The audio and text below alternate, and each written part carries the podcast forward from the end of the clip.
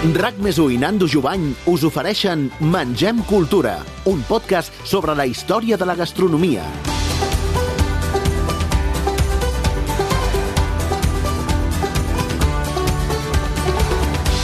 Bueno, molt, molt benvinguts, eh? Bueno, avui és una cosa molt rara, això, perquè m'heu vist fer moltes coses, quasi bé faig tots els papers de l'AUCA, però aquesta de fer un podcast encara no l'havia fet. Em havia convidat a programes, em havien fet xerrar per la ràdio, havia corroborat amb diversos programes d'alimentació, em volen saber xafardegeries del nostre món, però això de fer un podcast fa quatre dies no sabia ni què era. Ara està una mica més de moda, però no sabia ni on buscar què era podcast, no? El Jordi Basté em truca i dic, hòstia, calla, que ara eh, em donarà un programa, o de tant en tant m'entrevistarà. Diu, no, no, és que vull fer un podcast. Dic, hòstia, què collons és això? I aquí estem, gràcies al Jordi per creure'm això i que podia anar bé, i a tota la família de RAC1, eh? Però ara, farem... Ara, farem... ara estic més tranquil, Nando, perquè si el Balester hagués donat un programa a tu, em hagués hagut de fotre carrer No, a mi. no, no, no voldria pas, eh? Alto les seques, eh? No anéssim anat bé, eh? Bueno, no sé, ja, ja, ja, ja ho he escoltat amb qui estic, per tant, segurament que la veu, la veu de, de tots dos personatges quasi bé ens coneixeu, perquè tenim aquestes veus, que aquestes veus soles ja ens raonen, no? I bueno, doncs això serà un podcast que en farem uns quants i que invitarem a gent molt més sàvia que jo, perquè quan el Basté em va dir per això,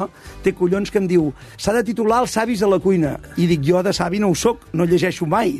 Dic, de savi de la cuina, jo en conec un de molt savi, que és el Fermí. Sí, això. Per això comencem el... No, és perquè és veritat. La càrrega de la prova ja la tinc al clatell. No, però és veritat, perquè ell mastega llibres, li agrada molt llegir, li agrada la cultura, li agrada saber de què en raona. I jo crec que aquest programa que parla ell, que ens enriqueix a tots cada setmana, també jo penso que fa que t'enriqueixis, perquè t'has de preparar aquest programa, t'has de preparar de què en raonaràs. Exactament. És a dir, jo mai m'he preparat tant les coses quan tens alguna a dir a la ràdio, perquè d'aquesta manera, si, si t'ho prepares, després pots dir bestieses les que vulguis, perquè avui ja dono les gràcies a la guionista, que ens ho ha fet molt bé, però tant un com l'altre ens passarem el guió per darrere, vull dir que cap problema, vale? bueno, va, som-hi, va. Escolta'm, avui parlem d'una cosa molt, molt especial. Aquest programa el que farem és menjar cultura. Sí. És a dir, ens menjarem la cultura cada, cada podcast, perquè jo penso que, evidentment, això que fem nosaltres diuen que és cultura. Jo no sé on s'acaba la cultura quan es menja i no es menja. Sí. Tu què n'opines d'això, de la cultura? De mengem cultura? Eh, Bé, eh, això el primer que ho va dir en qualsevol cas, ja en pla, te'n recordes que deia que eh, la cuina, en el fons, no deixava de ser la cultura i el paisatge posat dins una cassola, no? I, per tant, tot l'acte de cuinar en si mateix ja, i no cal dir amb certa sofisticació, en si mateix ja és un fet cultural. Eh? Exactament, però bueno, jo crec que aquí a darrere avui parlem d'una cosa que no sé si ho sabíeu, però la família de, del Fermí doncs, eren conservers de tota la vida, grans sí. conservers. Sí. I això jo crec que no ho has explicat gaire.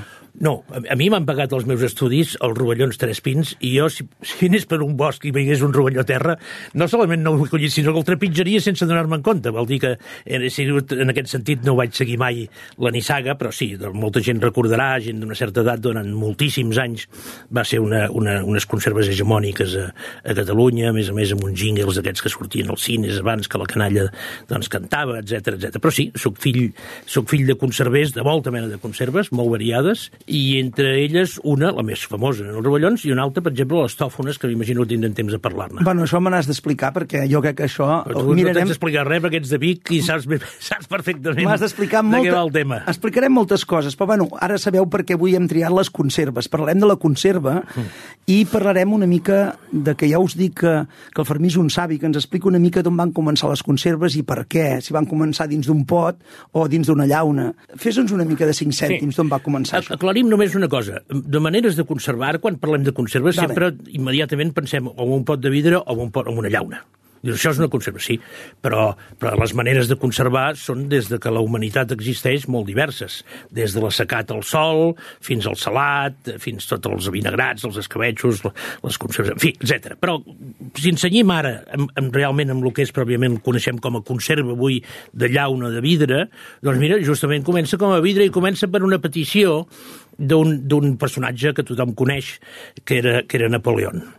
Napoleón en aquest sentit era un savi militar i sabia que al darrere d'un exèrcit hi va gana i va la, la, la logística, que en diuen. És un exèrcit no avança si els seus soldats tenen gana. Això és una cosa que és claríssima. I ell es trobava, que amb totes les campanyes, perquè era un conqueridor, doncs que havia d'anar a manllevar per les cases en allà de pagès, doncs perquè replegar quatre patates i quatre fesols. I per tant això ho hem d'arreglar-ho, i va provocar un concurs a França perquè algú, doncs, eh, en fi, hi pensés, i va trobar un senyor, doncs, a principis del segle, del segle XIX, 1806, 1807, no me'n recordo exactament, que es deia, em sembla que Pert o alguna així, que, que era un senyor doncs, que va descobrir que posant el menjar dins un pot de vidre, tapant-lo amb un suro i una mica de cera perquè no sortís i posant-lo al bany maria, cony, aquell menjar era bo al cap d'un temps. Es guardava. Es guardava. Per tant, li van pagar uns calarons i van començar, doncs, així els exèrcits de Napoleó a poder viatjar, doncs, una mica amb, amb el condumi, per exemple. Però havien d'anar amb un pot de vidre. Però havien d'anar amb un pot de vidre. Aleshores, clar, això passa, passa que hi ha un, un anglès, sempre hi ha un anglès entremig, eh? i més aquelles,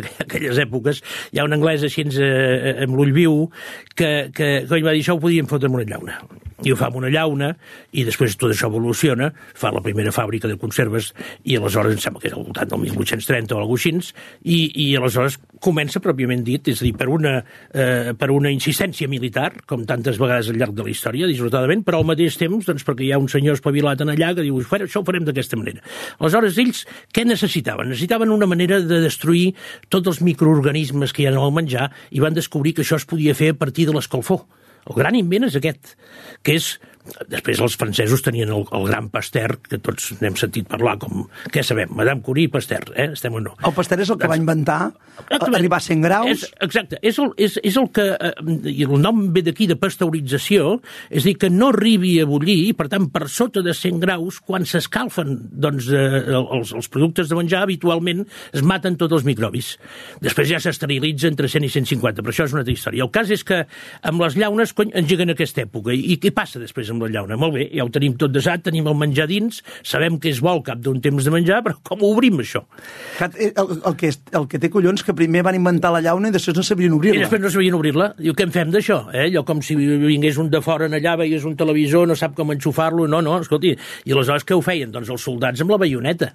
La baioneta era allò que es posava... El, bueno, perquè bàsic, bàsicament va ser aquest encàrrec sí. per canviar el vidre sí. per, anar, per anar a lluitar clar, o per anar a la guerra. Clar, perquè en aquella època, com que no hi havia els aves aquests que tenim ara, doncs anaven amb, car anaven amb carretons i aleshores així cada vegada que hi havia un camí una mica carregat de rocs, doncs en aquell moment representa que el menjar es movia i moltes vegades es trencava, clar. clar. Aleshores, clar, al cap d'un temps acaben trobant una cosa que ha arribat als nostres temps, perquè tu de petit estic segur que això ho havies vist. Les llaunes de sardines amb aquella espècie de claueta que s'enganxava com si fos amb una pua sí. i aleshores anaves recargolant i s'obria la llauna d'aquella manera. Això va ser el primer? Això va ser el primer. Perfecte. Bueno, el primer va ser, bueno, va ser no, no. la baioneta i un cop de malla en allà i vinga que s'obri, eh? Que això ho hem fet tots. Però això va ser el primer i això ha arribat fins als nostres dies. No, no, Ara sí. són més sofisticades, ja tenen aquella anella que estira i, i endavant les atxes, no? I després suposo que, que aquest ganxo que encara avui encara és bo, sí. perquè hi ha totes aquestes rodetes que han anat sortint, sí, res, però sí. aquestes rodetes al cap de quatre dies s'espatllen, sí, sobretot els professionals. Sí, sí, sí. Però sí. aquí tu dius, bueno, i, i tothom hem obert una llauna que ens l'hem emportada sí. a fer un vermut, o ens n'hem portat i ens hem descuidat l'obridor. I ens hem descuidat l'obridor. I hem tingut que agafar un gabinet, destrossar el gabinet, perquè normalment fa, fas malbé el gabinet, no? Exactament, exactament. Això està... Doncs aquest ja hi anava incorporat, eh? i per tant ja tenim aquí la primera llauna de conserves. I va sortir 60 anys més tard, el que té collons és que tardés tant, tants anys, això. Sí,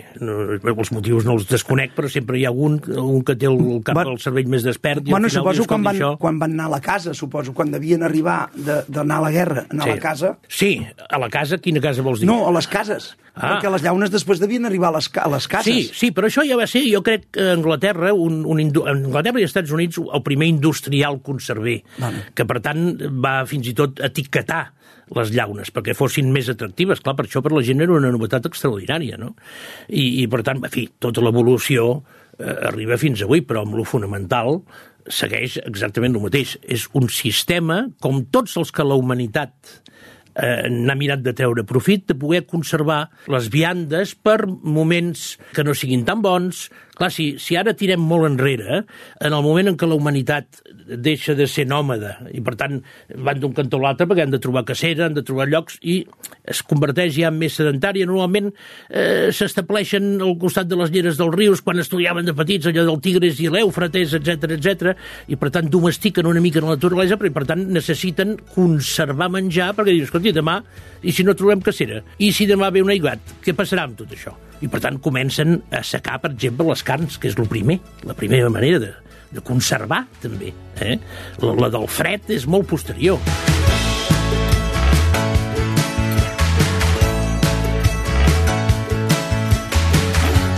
Vale, entonces, I per tu la més important, Sí. si tu n'haguessis de triar una de manera de conservar que ha canviat, Sí. ha, jo crec que la més important, la més pròpia nostra, que ja coneixien els perses i els íbers, però que ens arriba a partir dels grecs i dels romans, és la salaó. És, la salaó per mi és indiscutible, és a dir, és la nostra manera. Eh, Ara imaginem una cosa, el bacallà. Ens entusiasma el bacallà nosaltres, eh? Per mi és, és, és realment el gran producte. Durant diversos segles va ser el que en diuen una commodity. Saps allò com si fos un producte que es pugui bescanviar com el petroli, etc etc. Imagina't el valor que tenia el bacallà, eh, per la gent. Per què? Cony, perquè el peix fresc, quan la gent eh, anaven... Eh, l'estartit, per exemple, per cas, doncs, escolta, pescaven els pescadors. O, cony, fins a arribar a Torroella, que era el mateix poble, amb una tartana, quan et penses que diria, el peix arribava podrit, fotia un tuf de caldeu, allò, no podia passar. Per tant, quin era el producte nàutic, en aquest sentit, que millor suportava a partir de totes les seves preparacions i que no es feia malbé i que, a més a més, tenia moltes calories i etc etc. Coi, el bacallà. El bacallà. I aleshores el bacallà, nosaltres, fixa't, les tres grans preparacions del bacallà són cap al nord d'Europa l'orejat, eh? per tant, sol i serena, que s'assequi. La segona, una mica més avall, és el fumat. Entesos? però que també el, el previ, prèviament el salen i el sucren. Sí, Posen sal i sucre. però ho fumen. Fumen. I és una manera de conservar. I la nostra, la més pròpia nostra, que és la salaó. I per tant aquest peix viatjava cap a l'interior amb gent que no podia menjar peix i l'alimentava. El bacallà, sense... I era un intercanvi perquè el canviaven per pollastre o per porc. Oh, tant. És a dir, era, era eh, allò, no? Jo tinc peix, tu tens carn. Exactament. Bueno, aquí també devia començar doncs, el mar i muntanya. De fet, et diré una cosa, el, el, el Mar i Muntanya, Pla també escriu coses molt divertides, justament l'Estartit i Torroella. Que deia, escolta, quan algú de l'Estartit volia casar a la Pobilla, eh, la festa era un mar i muntanya on l'ocar no era la llagosta, era el pollastre. I per tant anaven cap a l'interior carregats de llagostes, de gambes i tot això, i els hi donaven una mica de farina per fer el pa i els hi donaven quatre pollastres. Ah, bueno, aquesta és la mare dels ous. I si parlem de bacallà, Sí. explicaré una recepta, perquè si hem, parlat, hem parlat abans de llauna, Sí. i de bacallà té alguna cosa a veure el bacallà a la llauna, perquè no es fa dins una llauna. O sigui, no. no té res a veure una cosa no, no té res a veure, és un, és un plat barceloní molt, molt fàcil de fer, molt fàcil de fer, i que jo només, quan em faig alguna vegada, eh, només hi canvio una cosa, que jo penso que amb això estarem força d'acord, és amb la manera de coure el bacallà. És el bacallà, normalment, a les cases s'ha fregit, enfarinat i fregit. Per mi queda massa sobtat, no m'ha agradat mai aquesta manera de fer. I nosaltres, la tecnologia, veus, una altra manera de conservar, ens ha portat les màquines d'envasar el buit. Avui dia n'hi ha moltes de bacallaneries que tenen ja bacallà envasat al buit perquè després tu a casa teva l'única cosa que has de fer és posar-lo 3 o 4 minuts, aquell, aquell llom, aquell morro de bacallà, 3-4 minuts eh, dins la bossa amb aigua calenta, ja queda cuit i en acabat tu tiri la salsa que tu vulguis. Per Val. exemple, si anem a fer un bacallà a la llauna, és molt senzill, en principi, el bacallà a la llauna, amb el format que tu vulguis, essencialment és eh, amb oli d'oliva, fregir, all i julivert picat, pebre vermell dolç, entesos, un got de vi blanc, allò pam, pam, pam, acaba lligant d'alguna manera com una mica de salseta, i després tu tens, en aquest cas meu, el, el bacallà, doncs jo el coc que hem passat al buit, en, aquest, en aquesta salsa hi tiro quatre mongetes seques, en el meu cas del ganxet, i les tiro pel damunt del bacallà. I s'ha acabat el bròquil. Més, més fàcil no pot ser. El mestre Gaig diu que hi posa tomàquet. El Ell hi posa tomàquet. Bé. Un, un, una mica de tomàquet ratllat. Bé, eh, com que és el mestre Gaig, en aquest sentit, feu-li cas, també. Feu-li cas. Bueno, jo et, diria, jo et diria que per mi sí que el bacallà a la llauna, no sé si... Jo crec que hi ha aquesta... Jo crec que hi ha aquesta herència que hem rebut, suposo, que té molt a veure com l'haguis menjat tu, el bacallà. Sí. Jo el bacallà, sempre que faig bacallà a la llauna, em recordo la meva tieta Mercè. Sí. Al llibre hi hem posat el bacallà de la tieta i el bacallà a la llauna. Jo, per mi, sí que és important això de fregir l'enfarinat i fregit. Clar, bueno, com ara la tècnica- sempre. Ara la tècnica ens permet posar-hi dos dits d'oli oli, amb aquestes pallasetes d'adherents tan bones, Sí. que faci una bona crosta, Ja però que de dins veus? quasi bé no l'hagis fet malbé. Això se'l deixes reposar. Amb aquest oli, jo faig el que fas tu, uns alls a làmines, aquest oli, el justet, no, no, no que es cremi ni fer-ne fer servir massa del compte. Sí.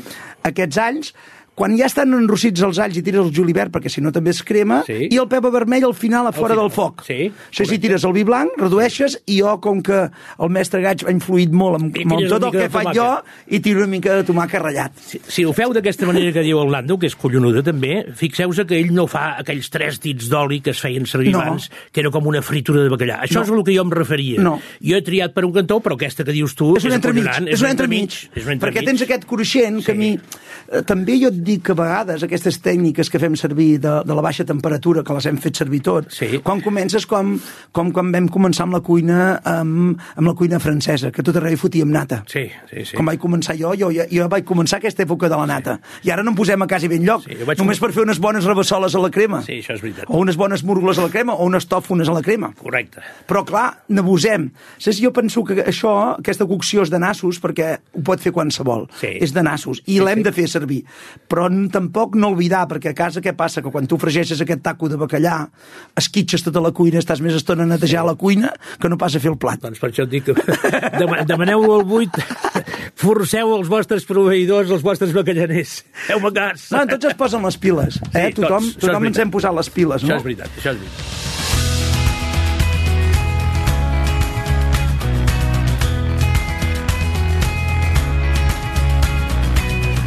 Bueno, després, si nosaltres ens en anem amb una altra manera de conservar, Sí. aquesta sí que jo et dic que aquesta, si ens ajuntem tots dos, necessitem 3 hores, i l'he dit Sí. avui, no podem parlar del tema del greix Sí. i de com conservar, de fer la matança del porc, del confit, Clar. del confit tant, de, tant pels ànecs com, com pel porc, perquè, Sí. eh, és a dir, aquí el que es tractava és de conservar el porc durant tot l'any. Exacte. Hi havia aquesta... Bueno, farem un dia, només parlarem de porc, perquè això aquí ens portarà una hora. Sí, però jo estic d'acord. Aquestes...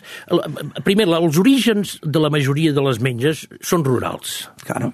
L'origen és pràcticament sempre rural. És una qüestió quasi, quasi de recordar demogràficament què era el país fa 150 anys o fa 200 anys. Per tant, quan es feia la matança, eh, quan tu ho saps millor també, Vic, eh, això s'havia de conservar. Es posaven aquelles tines en allà i amb tot el greix fos, doncs en allà es conservava doncs, la costella, la botifarra, etc etc. El que no es feia servir per una altra manera de conservar, que era l'assecat, bé sigui per les llangonisses, bé sigui pels pernils. La cansalada. La cansalada, Salada. exactament. Eh? Estem Aquí, aquí, quan fas la matança, es, varia, eh, es, es, es, es fa servir moltes d'aquestes tècniques. Tant el salat, com el bullir, com el pasteuritzat, Sí, sí. com el confitat. Sí, sí. Saps, això, això aquí, aquesta barreja, jo penso que la cultura de la matança del porc és tan Sí, bèstia sí, sí, que ens sí, mereixerà sí. fer un dia. I tant. Un dia parlarem només de matança. I, I, de fet, quan parlem de, de, de, de confitar, és el que fem nosaltres amb el porc en aquest sentit, doncs a les landes ho fan amb els ànecs, amb el greix de l'ànec.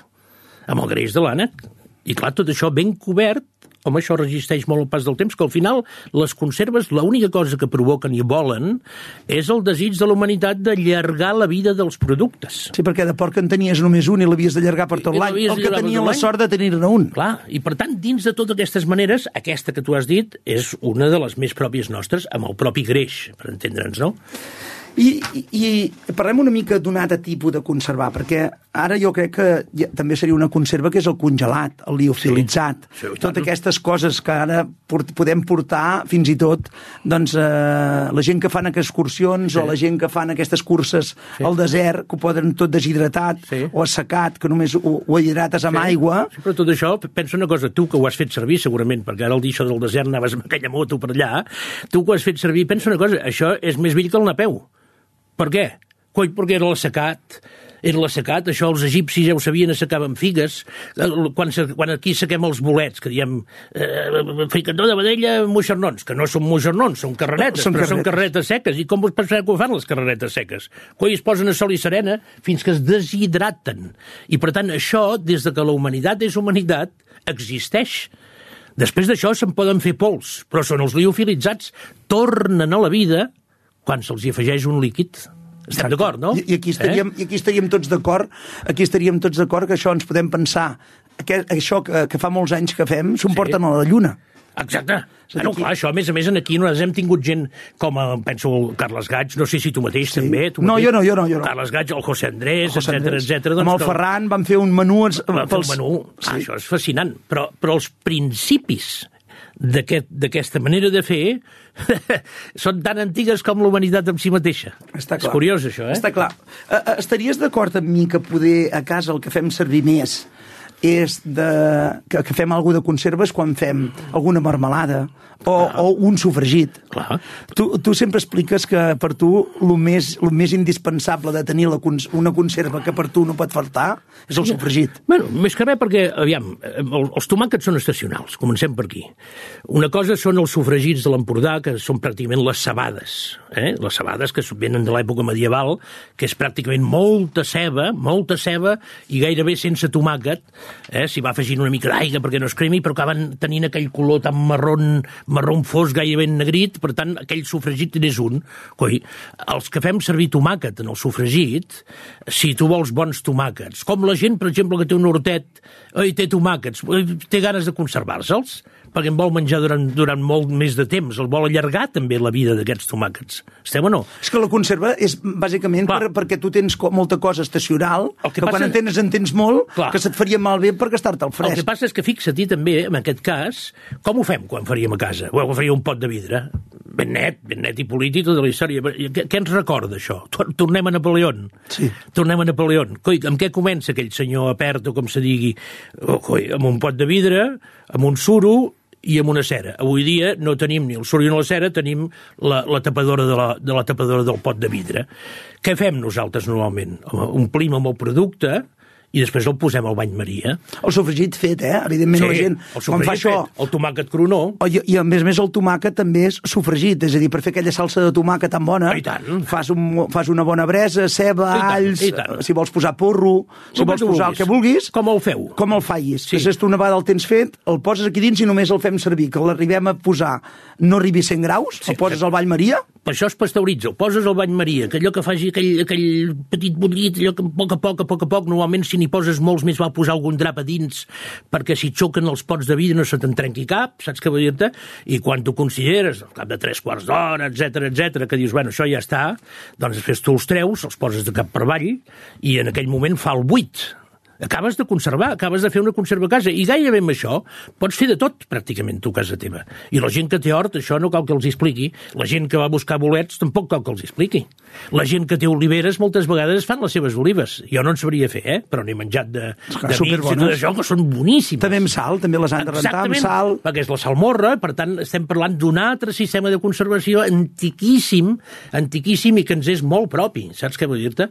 I després, clar, aquí entrem també amb els avinagrats, que no és una manera de conservar els avinagrats. Que no ens han arribat avui dia, fixa-t'hi, els escabetxos, tots els escabetxos que els àrabs, sobretot els àrabs, ens arriben i es porten aquí, però és una manera de conservar. Els romans i els grecs ja ho sabien, que els vinagres, els àcids, en aquest sentit, això hi ajudava.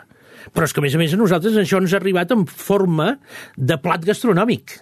A qui no li agrada ara que ve aquest temps, que venen, quan venen les calors i tot això, de menjar-se un bon escabeig fred? Però no el fem servir, però l'hem però transformat poder cap a, cap a la gastronomia, no? Quan mengem aquestes sardines escabetxades o un barat escabetxat o les ventresquetes... Però aviam una cosa, les vinagretes. Aviam, ara fem una fórmula molt senzilla de vinagreta, que dius, "Ai, qui té perdius, té perdius, i si no té un gratapaller, eh? Sí. Els gratapallers ben bons, molt tendres i tot això, què faríem més o menys? Podríem fer una, la mateixa part d'oli, de vinagre i d'aigua. A partir d'aquí tira els aromàtics. Tiri cabeces d'all, tiri farigola, tiri romaní, tiri llaurer, el que tu t'agradi, més o menys. Tiro allà dins. I tiri les bestioles. I que faci. Tu, què has fet en aquest sentit també? Quan ja has conservat, a a partir d'una vinagreta, quan tu fas aquests escabetxos que tu deies ara amb les sardines o amb els seitons, què estem fent amb això? Segons els bitxos en preparacions molt ràpides, estem conservant. Sí. Perquè sempre el tema és, per un cantó, mm, allargar la vida natural del producte i d'altra banda, a més a més, en aquest cas nostre, home, que a més a més es puguin menjar tal qual. Qui va inventar la manera de conservar, per exemple, els seitons o les sardines d'aquesta manera, ens va fer un favor a tots, no? Hombre, si no, no gaudirien de les anxoves que tenim ara. I, i, i les olives. Qui va pensar en el seu moment que aquella, aquell, aquelles olives que queien allà i que, a més a més, clar, de cru en cru no es podien menjar, com... Qui, qui va pensar que això es podia fer d'aquesta manera i que serien tan bones, eh? No, no, és brutal.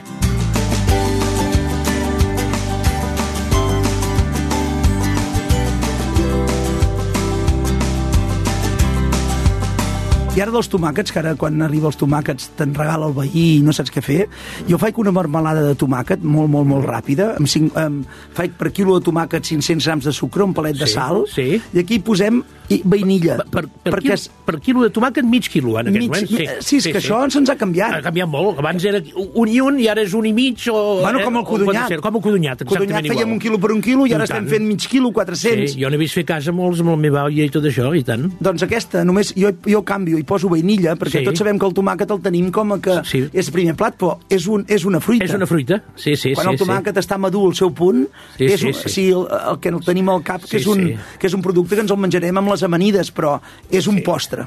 Sí, doncs tu fas una marmelada de tomàquet amb Sí, sí. vainilla, Sí, una sí. mica de sal, Sí, sí. això és el, el conserves, si el vols conservar, perquè nosaltres quasi bé el fem setmanalment Però si al restaurant. conservar, ho podries fer amb el bany Maria. Després fas a Vall igual. Maria, fem el servir el tema del paster, eh? Sí. ho pasteuritzem i Sí. se'ns aguanta un any o dos el que calgui. Ah. Perquè això, a vegades, si, el- mentre que la llauna no es bufi, que no n'hem parlat... Exacte. Eh, saber, ah, es, ah, ah, parlem un segon de les llaunes quan són Sí, velles. senyor. Sí, senyor. Això jo alguna vegada ho he explicat a algú, perquè, evidentment, aquí, per ser fill de conservers, alguna petita avantatge havia de tenir. Alguna vegada ho he dit. Dic, aviam, tu et trobes eh, allà com a de vaca, prop de Caralps, penjat en allà, que dius, hòstia, m'han de venir a buscar, no tinc telèfon i, i, i no tinc res per menjar. Però tinc una llauna, he trobat una llauna en allà. Si aquella llauna pot estar rovellada, pot estar de mil maneres, però si no està bufada, la llauna és bona. Ah, exacte. Queda clar això, tingueu clar. Altra cosa és que hagi canviat el que se'n diu organolèpticament el gust de les coses. I dic, oi, això, bueno, de la mateixa manera que també si tu fas un tupí o, o se't pot enranciar. Saps que el, el, aquell porc que tu has matat i que has fotat en el greix i les, les, al cap d'un any pot, pot, pot ser ranci. Això sí, però la conserva serà bona, no et fotrà a l'altre barri, eh? Tinguem-ho clar, això, eh? Ens servirà per alimentar-nos. Sí, jo encara a casa, i llàstima que no t'hagués portat en aquí, et hagués fet il·lusió. Però jo a casa encara tinc algunes conserves de tòfona dels anys 60, eh? I encara n'obrim alguna i està bona. Increïble. Per què? Perquè, a més a més, les fèiem en aquell moment ja amb el sistema francès, que és res de conyacs ni tonteries, en aquest cas, de les tòfones. Eh? Senzillament, amb una mica de sal i una mica d'aigua, i després, la seva, com que és un bolet, i el bolet és 80% és aigua, el que deixa anar és tot el seu suc natural, i és extraordinària. Però jo aquesta llauneta de tòfona, encara algun dia, perquè en tenim més d'una, encara algun dia l'obro i encara algun dia em serveix. Bueno, no, algun dia me la deixaràs provar. Després aquí també hi ha allò de les No sé llaunes. si n'hi ha per dos amb això. Ah, un dia, un dia, un dia aquí tenim, aquí tenim mm, llocs on et pots menjar llaunes d'almejes, de barbaretxos, Clar. conserves, que tenen 10 anys i 12 anys, i hi ha gent furofa per trobar aquestes Clar. llaunes que tenen Clar. 10 anys. La gent, diguem-ne que, que la llei, Sí. doncs més d'un any no et permet, i diu Ja. que caduca al cap d'un any. Sí. Però no està caducada una llauna. No està caducada, Estem parlant de llaunes de tòfones de 40, 50 anys, I 60 tant, anys. I tant, i tant. Això és claríssim. Sí, jo m'he sí. menjat una llauna de- d'almejes amb 12 anys o 14 anys, Sí, que amb el gaig també. sí. Increïble, perquè Sí, sí, sí. te'l poses a la boca i se't desfà la boca. Sí, sí, sí. Després sí, també Sí, sí. eh, són almejes molt bones, molt ben fetes, molt ben guardades, Sí. això és com un vi. Sí, sí, si tu clar. aquesta llauna l'has deixat al sol, a sol i serena i tal, allò se t'ha Sí. fet, allò anant Sí, bé sí, poder no s'ha fet malbé, però és dolent.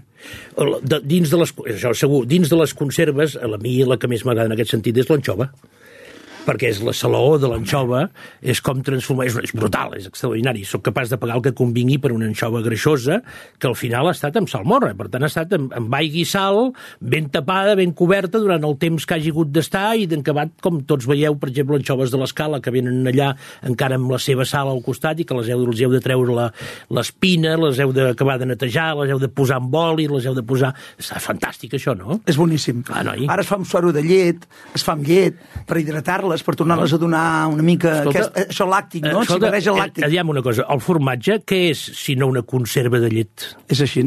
Clar, voleu mètodes de conservació? Mira si n'hi ha, tots ho són. Perquè, en el fons, el més revolucionari de tots, al final, que ja arribem al final del camí, és el fred. Sí. Però, clar, el fred, el fred, no- el fred mm, clar, les condicions climàtiques eh, en el seu moment feien que qui estava al costat de la neu pogués tenir però qui no, no. En canvi, a molts llocs hi havia els pous de gel, que se'n deien. Jo, jo en tinc dos de localitzats a Castellterçol i, Clar. i, i a Horta de Vinyó, Ah. que encara hi són. Que encara hi són. I curiosament, quan passes per allà amb cotxe, tu vas a Castellterçol i te'n vas a la Fàbrega, i quan baixes allà, baixen 5 o 6 graus la diferència de Mollà. Segur. A Castellterçol. Aquells, aquella gent la tocaven, ja la Sí. fotien al pou de glaç on més fet feia de la comarca. Exactament, exactament. I, per tant, aquí ens porta després a la congelació, que és el, el sistema definitiu, per entendre'ns, perquè allà sí que eh, amb temperatura regulada allà no es mou res. Eh, per tant, eh, la congelació, aviam, aclarim-ho, la congelació ja per mitjans elèctrics, perquè, clar, els que tenim uns anys, jo a Granollers recordo perfectament al costat de l'església, recordo la fàbrica de gel, i els senyors amb els sacs d'arpilla aquelles, amb uns ganxos, portant les barres de gel per les cases i pels bars i els restaurants. Què vol dir? Que encara no totes les cases tenien nevera elèctrica i molt menys tenien arcons congeladors avui dia d'últim model, pràcticament. Per tant, la congelació sí que és el el sistema definitiu de, de, de, de conservació, bueno, i- de cap de més fiable. Bueno, ja estem, i estem d'acord que és el que fa més, menys malbé, que hem anat a la tòfona. Total. Allò que parlàvem de la tòfona, la Sí. tòfona ara preferim bastant con, a, a, a, a congelar-la perquè mantenim el gust intacte. Ja. No mantenim la textura, perquè No. la textura ens queda tova. Però, però per exemple, els ceps, Sí. les llanegues, tot, Tot- tot, tot- aquest bolet, sí, ho congelem. En molts casos sí, en altres, insisteixo, en, molts, en altres casos, en les cases encara segueix fent la salmorra i segueixen conservant en pots de vidre, etc. Però vaja, en qualsevol cas, al, al final de trajecte del món de la conserva sempre és la congelació, és la, la màxima aspiració. Que l'origen, com sempre hem dit, una cosa de la conserva, la llauna, a l'època de Napoleó, per l'origen és que la humanitat hi ha un moment en què necessita garantir que l'any demà podrà tornar a menjar Això està clar. Allargar. allargar la vida de l'home. Bueno, nosaltres ara allarguem en, poques, en pocs temps, és a dir, ara agafem una gamba d'aquesta de Palamós tan increïble i ens arribarà el dilluns o el dimarts i, i poder hi haurà mala mar el dijous, què fem? Congelem encara que sigui el dimarts, ho congelem, que hi ha aquests abatidors de temperatura, Tots els peixaters a mi m'han dit exactament el mateix. Tu, si no t'has de menjar aquella gamba que han pescat avui que està viva, per demà. Congela-la immediatament, el màxim que puguis, i després la deixes 10 minutets amb aigua freda. I sal. I, tor i sal. I torna a la vida. Exacte. I tenen raó. Exacte, aquí has de fer un 3% de sal, com si fossis aigua de mar, si tens aigua de mar, per si no, un grapadet de sal, i que de la gamba, l'escamarlà... Bueno, és Com que... acabat de pescar. És igual. Com acabat de pescar. Nosaltres, molta gent, quan jo faig les gambes a la brasa, un puesto, o els diu unes gambes, i ens diuen una gamba que és increïble, i dic, eh, que no sembla, ai, eh, que no sembla que és congelada i es pensa que els estic fotent, que, que me n'estic enrient, però és que ha estat congelada. Sí, sí, Saps? Però és sí, que ha estat sí. més bé congelada que no que l'hagi tingut dos dies amb aigua, gel i llimona, que abans No, s'hi posava gel i, I llimona, tant, i tant, que després ja se'n va anar. No ho feu mai. I després una altra cosa. El saló, Sí. eh, de la sal, ve el salari? Em vas explicar? Sí, sí, és a dir, sí. té alguna de veure amb el salari? Sí, es veu que sí, perquè, eh, en fi, jo la història la conec aquesta molt tangencialment, eh, d'alguna manera, però, però sí que és veritat, perquè es pagava amb sal en alguns casos, m'entens? És a dir, la sal havia sigut una commodity, també, eh? eh en, en els temps moderns, recorda que eh, la Índia, just poc abans d'independitzar-se, doncs l'any 48, Gandhi arrossega mitja Índia justament per un tema de la sal que, que era crucial en aquells moments en allà i, i, i, i els hi fot una revolució per això però sembla ser que sí, sembla ser que sí i si no nevero ben trobat tu Bueno, i la sal, eh, si, si la fèiem servir per guardar el que més estimàvem i el que havíem de guardar per, Clar. per menjar tot, tot l'estiu, ho necessitàvem. tornem a lo mateix tornem a lo mateix perquè a més a més, insisteixo la, la hidratació de les, la deshidratació de les carns en, en alguns casos es feia doncs, accelerant-la amb la sal, evidentment Bueno, millor- que fa que treu els sucs i treu la El, sang el, el millor producte, dels millors productes, aquest pernil ibèric. Home, Eh, clar, Què faríem i- sense el pernil? exacte, I que- les llen- nostres. Què us penseu que és això? Sí, però la llangonissa... Sí, és diferent. La, la posem a penjar, però els, els, els, els pernils s'han de colgar amb sal durant, durant un bon temps. Sí, sí, sis- sis setmanes o set I, setmanes. escolta, i, i la cecina? Què us penseu que és la cecina? Ah. És un mètode de conservació... Secada. Assecat de carn de vedella secada. I, i, i la mojama? Igual. O què us penseu que és això? Estem d'acord o no? O sigui que, clar, estem parlant de conserves i sempre que parlem de conserves ens, ens parlem de la llauna. No, no, no, no. Fermí, no li, va dir, li va dir al Jordi que no estaríem una hora i mitja, però jo crec que no sé com fer-ho, però haurem de tallar-ho. Escolta'm, moltes gràcies, Fermí. Entesos, gràcies ben... perquè jo no estic gaire acostumat a això, però m'has posat molt fàcil, ara el segon ja ens sortirà més bé. Però podríem xerrar, vosaltres els que coneixeu, que algú diu cada setmana el Fermí, sabeu que és un... És, és, és, és, el, bueno, el, el, és un savi. El, no? el savi de Vilatrista. No, és el savi de Vilatrista, no. és un savi perquè sap de què enrona. Eh, dins els professionals doncs l'admirem molt. Jo personalment sempre ha sigut un mestre i moltes gràcies per ensenyar-nos el que ens ensenyes cada setmana, acostant-nos molt.